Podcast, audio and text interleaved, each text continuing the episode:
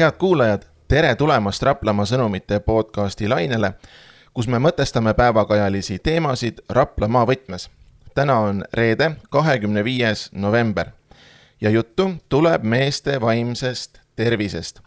november teatavasti on meeste tervisele pühendatud kuu.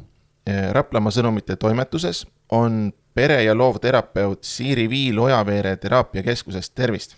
tere hommikust! Ja samuti on siin ajakirjanik Helerin Väronen. tere! ja mina olen ajakirjanik äh, Siim Jõgis. ja alustuseks kohe pöördungi, äh, Siiri, teie poole, Ojaveere teraapiakeskus. mis see on, millega see tegeleb? Äh, no me asume Raplas, et võib-olla ongi kuulajale ka üllatus see, sest ikkagi hästi paljud ei tea, et Raplas on tegelikult meil väga suur valik vaimse tervise teenuseid olemas et äh, meil on äh, pereterapeudid, meil on tegevusterapeut, meil on psühholoogid, draamaterapeudid, loovterapeudid, äh, tegevusjuhendajad, tugiisikud, et kõik on olemas ja me oleme siinsamas teiega ühes majas, teenindusmajas see on ju päris suur seltskond praegu, jõudnud kõike meelde jättagi eks ole, ja, ja et äh, tänaseks seisuks meid on kokku seitseteist neid spetsialiste. see on tõesti muljetavaldav mm, number. jah aga kahju on sellest, et Rapla inimesed alati ei tea, et äh, paljud on meid küll üles leidnud, äh, aga paljud ka veel ei tea, selles mõttes on nii tore, et me saame täna spetsiaalselt meestest rääkida ja kuigi mehed ei ole meie kabinettides üldse harv näha, vaid pigem see trend on äh, väga sinnapoole, et pigem võtabki mees ühendust ja ütleb, et mul on kodus raske kas naisega või me oleme lahku läinud ja meil on lapsega keeruline et äh, ma ei tea, meil on väga toredad mehed seal diivanite peal. Ja tulevad väga rõõmsasti. Päris huvitav, aga kas äh, trendi on ka märgata, et just nimelt novembris, mis on, mis on meeste tervisele pühendatud kuu, et siis tuleb äh, rohkem neid? ei, seda ma ei saa sulle öelda. Ähm, ma arvan, et see on tore, et novembris on kuidagi see tähelepanu meeste peal rohkem, et see isadepäev ja meestepäev ja meeste vaimne tervis ja, ja ka füüsiline tervis tegelikult, eks. et äh, ma ei tea, ma mõtlen, et, et see on tore, et meil on üks kuu, kus me võib-olla võimestame või innustame mehi äh, rohkem endasse vaatama. et see ei ole Eesti mehele midagi väga omast, rääkida oma tunnetest või rääkida sellest, kuidas tal tegelikult läheb on see teie niisugune professionaalne kogemus, et mehed hea meelega ei ava ennast? oo oh jaa, noh, selles mõttes no ma ei tea, et äh, kui ma sinu käest, Siim, küsin, et äh, mis, mis tunded sul on sees, on ju, et kuidas sa tunned ennast? see on küll keeruline küsimus, see paneb mõtlema kohe. tõmbab kohe nagu uh, eks et äh, mina arvan, mina olen nagu seda usku, et äh, selles mõttes ei ole ju vahet, kas see on mees või naine või laps või, või eakam, et kõik vajavad äh, Äh, lähedust ja kõik tahavad äh, ja vajavad tegelikult äh, endast rääkimist või enda avamist, aga me ei oska. ja seal ei olegi noh, selles mõttes selles baasvajaduses ei ole erinevust, erinevus on selles, et me kasvatame poegi selliselt, et mees on tugev, mees läheb metsa, võtab vibuga hirve maha, viskab üle õla ja toob koju ja toidab ära terve pere, on ju, ja naine kasvatab kodus lapsi, ainult et see mudel ei tööta enam ja, ja meil ei ole haridussüsteemis, meil ei ole meie peredest, kust me tuleme, alati seda oskust õpetada meestele, kuidas tänases ühiskonnas toime tulla. ja ka naistele, mis on siis ootused meestele, kas on siis nii, et peab ikka minema vibuga metsa või, või kuidagi on nagu täna ikkagi teistmoodi, on ju. et, et see raskus ongi see, et võib-olla eh, noh, me pärast ilmselt tuleme selle statistika juurde ka, aga aga, aga naised on kuidagi ju sellised, noh, me oleme ju empaatilised ja pehmed ja soojad ja meil on kuidagi rohkem lubatud nutta ja rääkida, et issand, mul on nii raske päev, minul näiteks on olnud nagu tohutult raske see nädal. iga päev on midagi suurt juhtunud isiklikus elus ja, ja väga keeruline on toime tulla. aga mehed, kas mees tuleb koju ja ütleb, et mul oli täna töö juures nii raske päev? ma ei tea, lähed sa, Siim, koju ja ütled, et mul oli täna nii raske päev? istu minuga, räägi minuga sellest tead, selleks ei pea isegi tingimata olema, ütleme, elukaaslane või, või partner, aga, aga mingi sihuke oma lähedane sõpruskond või tutvusring, et, et käia, käia koos ja, ja see on küll tähtis. ja vot see on küll tähtis, et oleks sihuke noh, kuidas ma ütlen, võib-olla turvapadi või? absoluutselt. et see on see koht, kus on raske, ma lähen ja, ja sealt ma siis niimoodi noh, vaimses mõttes mm. -hmm. Et seal no, aga- toetatakse mind. aga kui sa mõtled, et, et nende inimeste peale, et kas sa tunned ennast turvaliselt nendega, et sa saad nendele avada ennast päriselt, sada protsenti. jah, ehk siis sa vajad seda kindlustunnet, seda turvatunnet, et, et ma neile saan usaldada. aga, aga kui sa kujutad ette näiteks meest, kes läheb koju, ta on väsinud, ta tahab rääkida, aga naisel on olnud ka nagu ikka väga raske päev. ja siis äh, ma ei tea, ta läheb koju, naine on juba tossus seal ukse peal onju, jälle need saapad on siin ukse peal jälle see, see sokid on siin põrandal või vetsupoti kaan on üleval ja sa noh, sa ei hakka avama ennast, onju. ja, ja et praegu, kui rääkida siin niimoodi omavahel, siis see kõlab naljakana. tegelikult see on igapäevane elu. see on igapäevane elu ja tegelikult seal on tõsised tagajärjed, eks ole, ja sealt need äh, tõsised probleemid tõenäoliselt aru, alguse saavad. nojah, me ei oska seda ühendust sellel hetkel nagu luua, et tegelikult me noh, mida võiks teha sellel hetkel ongi see, et et me, et naine saaks sulle öelda, et tead, mul oli ka jube raske päev. kallistame korra ja siis lähme, ma ei tea, istume korra ja siis vaatame, kuidas me edasi läheme, onju. aga see tähendab seda, et ma pean olema sinuga nii lähedane, et ma pean lubama sulle näidata, et mul on raske. aga see eeldab seda, et meil on turvaline teineteisega ja kui seal on juba eos mingisugused asjad, mis on ütleme selja taga ja mis on nagu seda usaldust ja turvatunnet kahjustanud, no siis väga ei kilka seal ukse peal, et mul on raske, et siis vaatad kõigepealt testid ära, et mis tuju on, et mis täna siin saama hakkab üldse.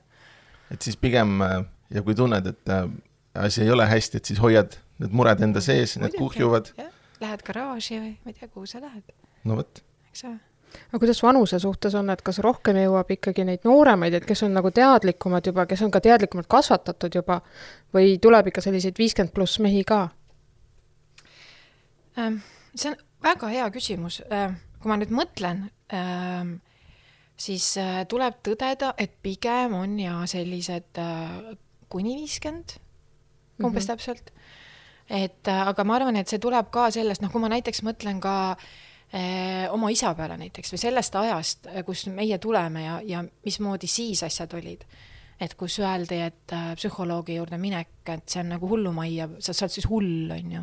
või, või et noh, et me peame mõistma seda ka, et meie vanematel ja vanematel inimestel ei ole see omane rääkida endast.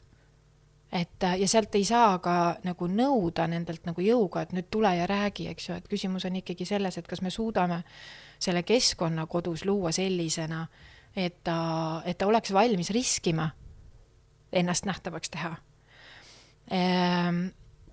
aga võib-olla need äh, nüüd noh, ma, ma ei saa ju nii öelda, et kindlasti mitte üks viiskümmend pluss mees ei tule, kindlasti tulevad, aga, aga ma nagu pigem näen seda, et kui nad on kuidagi sinna jõudnud, siis nad võib-olla on äh,, nende jaoks on see suur risk, ma ei saa öelda, et nad kardavad, aga noh, nad tulevad vaatama, et no mis siin siis saama hakkab. ja, ja enamasti, mida naised ütlevad, on see, et ega mees ei tule et kui nad näiteks pöörduvadki, et mul on lapsega mure, noh, klassikaline muster ongi see, et mul on lapsega mure. Ja mina kirjutan siis, et hästi, et kui pereteraapia, siis tuleb tulla terve perega. ja siis enamus me- naisi kirjutab vastu, et ei, et äh, mees ei tule, ta kindlasti ei tule. aga mina jälle ei le lepi sellega, mina usun, et kõik mehed tulevad, kui neid õieti küsida. ja kui sa ütled kodus näiteks mehele, nii, Siim, homme me lähme teraapiasse. tulete? kõlab nagu ähvardusena. eks ole õudne on ju, ma ka ei läheks. aga kui ma ütlen sulle, et äh, Siim, et äh, mulle tundub, et viimasel ajal meil on kuidagi raske omavahel. et äh, mulle tundub, et me kuidagi ei, ei oska nagu omavahel nendest asjadest rääkida, et mis sa arvad, äkki otsiks kellegi, kes aitaks meil omavahel paremini suhelda, kõlab äh, tunduvalt leebemalt. eks ole sul hakkab juba mõte, et okei okay,, võib-olla tõesti, et sa näed nagu seda teistmoodi. Et äh, mis ma tahan sellega öelda, on see, et naised ei oska võib-olla seda selliselt serveerida ja loomulikult, kui sa oledki ärev, sa oledki juba, eks ju, sul ongi juba raske, siis ongi raske ka seda niimoodi teha. et äh, kui nad lõpuks sinna jõuavad, siis enamasti naised esimese seansi lõpus ütlevad, et äh, vau, kuidas te saite mu mehe rääkima. aga tegelikult ega me mingit imet ei tee, me pöörame talle tähelepanu. me ei lase naisel tast võib-olla üle rääkida, vaja, siis pidurdame, on ju, igasuguseid tehnikaid. mulle meeldis väga see, mis sa enne mainisid, see risk. see riskimoment, et kui ma nüüd tulen ja räägin oma südamelt kõik ära, et mis see reaktsioon on, mis ma vastu saan. sest ma ma ma ei, ma ei ole vaata veendunud selles, et ma saan selle kuidagi toetava reaktsiooni sealt vastu, mida ma tegelikult ootan. absoluutselt, ja siis sa ei tea ka seda, et mis pärast saab, kui sa koju lähed. et võib-olla siin kabinetis on kõik chill ja siis uksest välja lähed, siis autos tuleb nagu nii mis mõttes sa niimoodi seal rääkisid minu kohta, et mina siin tätra-tätra onju, et seda seda juhtub mitte ainult mees-naine suhetes, seda juhtub ka suhetes, kus tuleb vanem ja laps. et, äh, et kui nad lähevad, siis laps saab kodus ette ja taha. aga see on ka see, mis me kokku lepime äh, koha peal esimesel korral, reeglid. ja väga selgelt ma ütlengi, et ta kodus ei räägi sellest, mida me siin räägime, sest et nad ei oska. Nad lähevad koju ja nad hakkavad seal lahmima, eks ju, neil ei ole veel seda oskust, uust oskust, kuidas rääkida ja see on okei okay,, et ei oska, sest et äh, noh, näiteks ma annan Raplas gümnaasiumis äh, noortele valikainet äh, pereteraapiast ja muusikateraapiast ja seal on väga palju poisse ka. noh, tüdrukuid ka, on ju. aga, aga noh, see nendele noortele nagu teadlikuks teha, et et nad ei peagi oskama, sest et nad võib-olla ka kodus täna ei näe seda, kuidas see peaks käima. Ja kui me mõtleme iseenda peale, et aga kust meie oleme näinud, kuidas üks tasakaalus paarisuhe käib, kuidas üks, äh, kuidas vanemad omavahel suhtlevad, kuidas nad lähedust väljendavad, kas seda tohib üldse laste ees teha, kas ma tohin kallistada oma meest nii, et äh, lapsed näevad? või kas ma tohin, ma ei tea, suudelda temaga köögis hommikul, kui lapsed sealsamas söövad? Mõnel on võib-olla juba selle peale, et oot-oot-oot, see on ikka jube karm värk juba, on ju. et aga kus nad siis näevad, kuidas see käib? no huvitav mõte, ma ei ole kunagi mõelnud selles suunas niimoodi. ja aga mina mõtlen seda, et äh, ma oskan elus teha seda, mida ma olen kogenud. ma mhm. sünnin, ma sünnin väikese poisina, mida ma näen? poisid ei nuta, lasteaias tõuse püsti, poisid peavad tüdrukutega silksärg tantsima, onju. Poisid ei tee seda, poisid ei tee, aga poisid peavad seda tegema ja siis me surume kogu aeg sinna sellesse mingisugusesse, ma ei tea, raami. mis on iseenesest, ma ei ütle seda, et meil on ma ei ole mingi vabakasvatuse pooldaja, aga ma mõtlen, et äh, et need poisid, kes seal täna gümnaasiumis ka istuvad, et äh, kui palju nad on näinud üldse seda, kuidas isad tänases ühiskonnas peaksid toimima. et pigem, kui ma mõtlen täna nende poiste peale, kes seal istuvad, siis väga paljudel nendel on isa eemal, vanemad on lahku läinud, tal ei olegi kontakti isaga. Ja, ja ta ei õpi, tal ei ole mitte kuskilt õppida seda, kuidas, mida need isad teevad. Et lapsepõlve niisugune kogemus või eeskuju on tegelikult hästi oluline, eks ole, et see, mida ma sellest, ütleme siis lastetoast kaasa võtan, on ka see, kuidas ma täiskasvanuna toimetan nendes samades situatsioonides, eks. jah, et äh, kui näiteks sina väiksena, kui sa pahandust tegid, siis äh, isa võttis rihma ja andis sulle rihma, siis suure tõenäosusega teed sa sedasama sa võid küll mõelda enda peas, et, et noh, see oli valus, see oli alandav, see oli tegelikult füüsiline vägivald, eks et mina seda ei tee. aga sellel hetkel, kui see väike jõnglane on sul ikka niimoodi kopsu üle maksa ajanud, sul ei ole muid oskusi. ja selline automaatkäitumine lihtsalt võtab võimust ja sa ikkagi ütled, kurat, ma annan sulle vitsa praegu.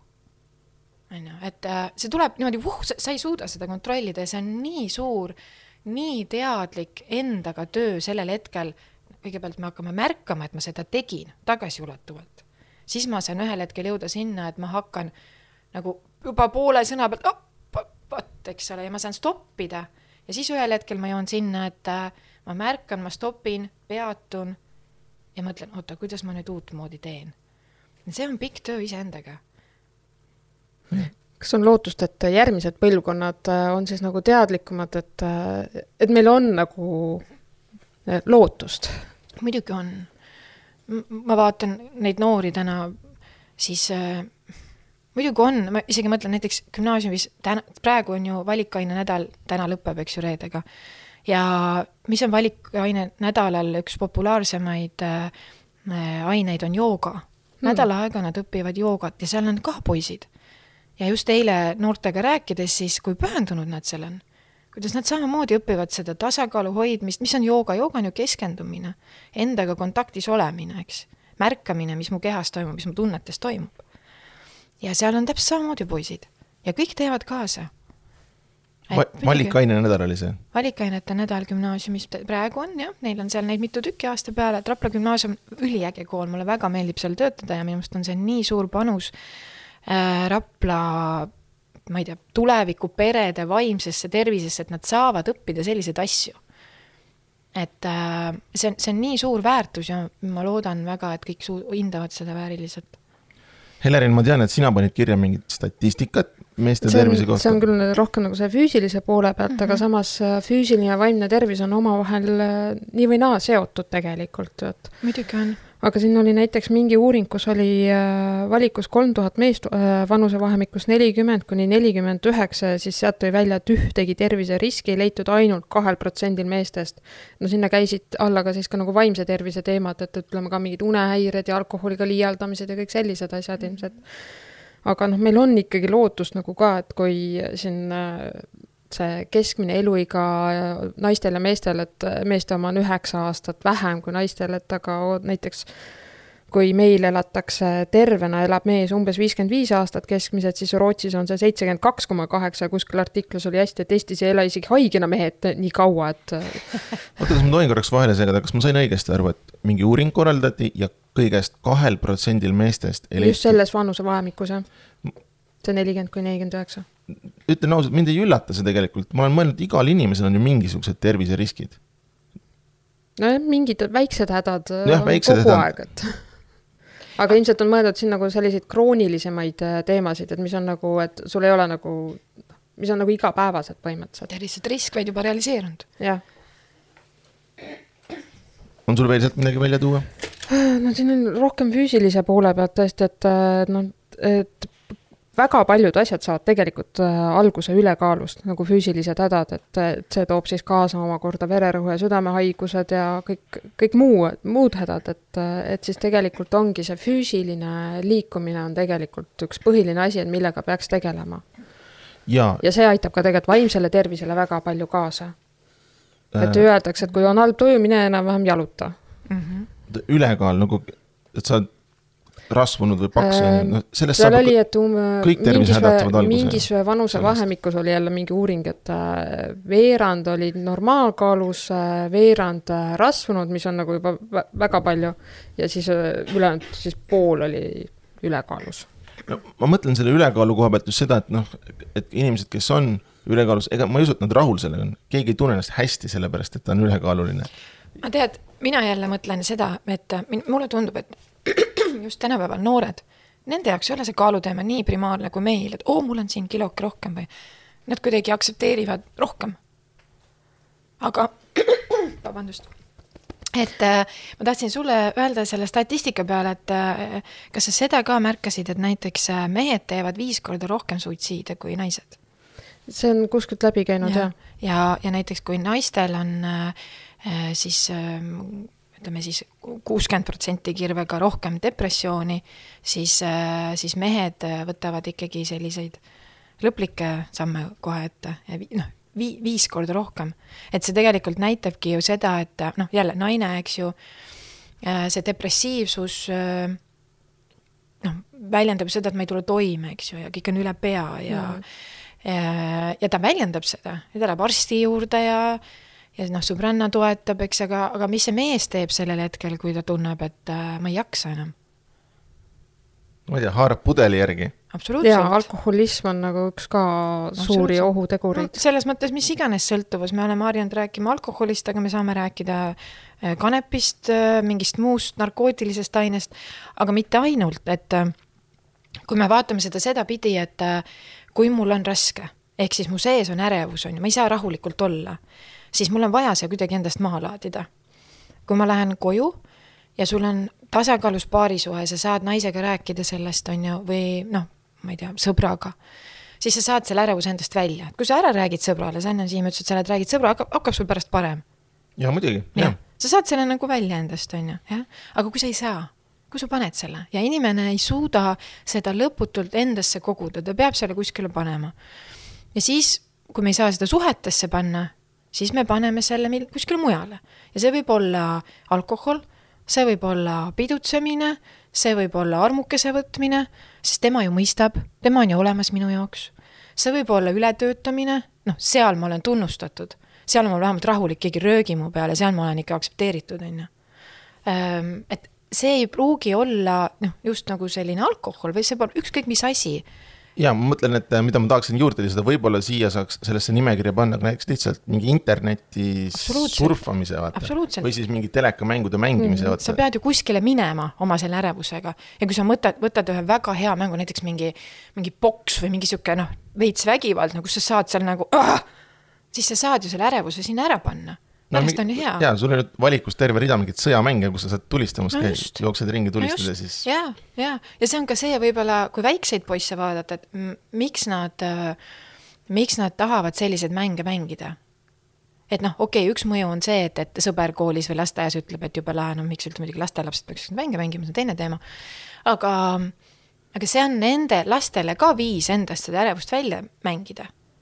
ta saab selle sinna panna ja, ja noh, kui meil siin kuna me asume siin teiega ühes majas ja sa, Helen, ütlesid, et sa vahepeal kuuled äh, muusikahelisid läbi seinte, kui muusikateraapias äh, näiteks kui laps tuleb ja ta, tal on nii suur ärevus sees, see väike poiss, kes lihtsalt taob seda trummi niimoodi, et noh, südamest. või ta ei, klaverit ei mängi mitte näppudega, vaid ikka niimoodi terve käega, et tuleks võimalikult tugev heli. siis äh, muusikateraapia mõistes see väljendabki seda, milline ärevus tas on ja mina lasen nendel kõigil seal noh, ma ei saa öelda laamendada, aga nagu endast välja seda mängida, sest kui ta saab seda teha, siis pärast tal on oh, hoopis teine tunne, eks? absoluutselt. ja mul tuleb ka üks me-, noh, täiskasvanud mees meelde, mehed muide ka käivad üksinda muusikateraapias siin hmm. et äh, ta, tal oli ka nii suur tunne sees ja, ja noh, ma ütlesin, et vali pill, millega sa saad selle nagu endast välja mängida. Siis ta valis sellise hästi suure džembe trummi. ja ta hakkab mängima, jääb seisma, ütleb, et ma ei saa seda mängida. miks sa ei saa? ma löön selle puruks. ütlesin, no mis siis on, löö siis puruks, on ju. ei noh, aga noh, äh, et noh, kui keegi, kui mõni mees tuleb ja suudab selle džembe pooleks lüüa, ma tahaks seda näha see ei ole nii lihtne, eks ju. aga lihtsalt, kuidas inimene kogeb, et, et see on nii suur, mis minu sees, et kui ma saan selle kontakti, selle võimaluse selle endast välja, siis see on nagu noh, see on kontrollimatu mingil hetkel, aga see tunne, mis pärast, kui nad siis seal niimoodi süldina ja siis me saame päris asjast rääkida ja siis saab tunne see baasemotsioon sealt alt tegelikult välja, sest viha ei ole ju see, mis on tegelikult. ja minu jaoks on need täiesti uued mõtted, ma ei ole kunagi mõelnud, et muusikateraapia saaks niimoodi mõjuda, et ma pärast seda nagu tõesti olen ennast tühjaks mänginud. no jaa, aga see, vaata jälle, inimesed ei tea, mis asi muusikateraapia on, mõtleme, et me läheme spaasse, on ju, viskame kuskile diivanile pikali, siis pannakse meile mingisugune leebe lõõga, jah, mis asi on lõõgastav muusika muidugi, eraldi teema ja, ja siis me vaatame mingit loodusfilmi ja siis see on lõõgastamine, see on väga kaugel muusikateraapia, see ei ole muusikateraapia. see on lihtsalt äh, lõõgastava muusika kuulamine loodusvideote taustal.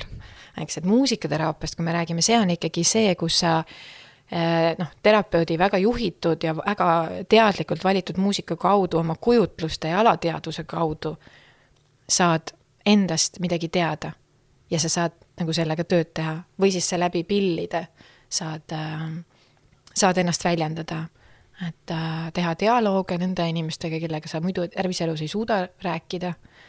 et kui näiteks, mul kohe tulevad meelde noored äh, poisid, kes teraapias käivad, noh, sellised äh, kooliealised, gümnaasiumiealised, siis väga tihti ongi see küsimus, noh, nende depressiivsuse, suitsiidsuse, ärevuse põhjus ju suhted vanematega ja, ja, ja kui me siis seal pillidega, noh, mul kohe tuleb meelde üks, üks klient, kes palus endal siis võtta pilli endale, võtta pilli siis vanemale.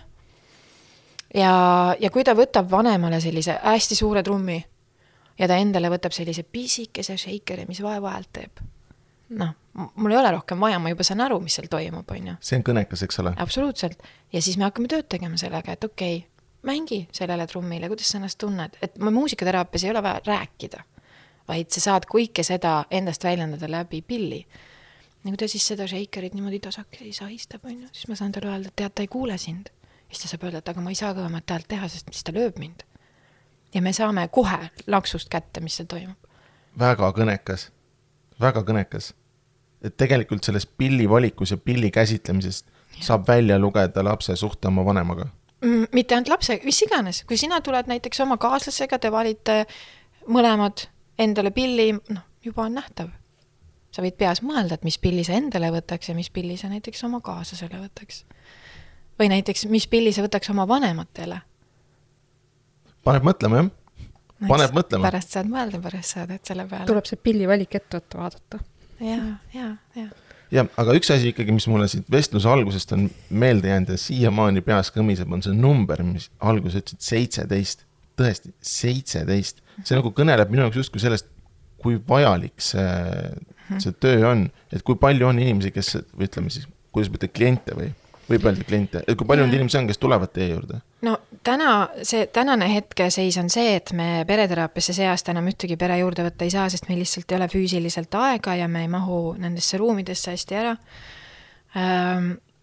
abistav võib-olla on see, et me uuest aastast avame Tallinnas ka ja oma siis ma ei tea, ruumid, sest et Rapla puhul on sageli see, et Rapla inimene ei taha Raplasse tulla kõik tunnevad kõiki, liiga väike ja,. jah, jah, et, et see hirm ikkagi, et ma siin Konsumis saan terapeudiga lihaleti taga kokku, on ju, on päris suur mm. -hmm. kuigi tegelikult ma saan kõigile öelda, et äh, see ei ole üldse asi, mille peale nagu äh, mõelda, sellepärast et noh, äh, kui ma peaksin näiteks ise ka äh, poes kliendiga kohtuma, siis mina ei ütle kunagi talle tere. kui tema ütleb mulle tere, siis ma tervitan teda vastu nagu tavalist tuttavat, eks ju et äh, ja minu lapsed on ka selles mõttes treenitud, et äh, noh, mul kõige väiksem mõnikord äh, küsib, et kes see on? ju, siis ma ütlen talle, et äh, tuttav. ja tegelikult sa ei pea seda üldse küsima.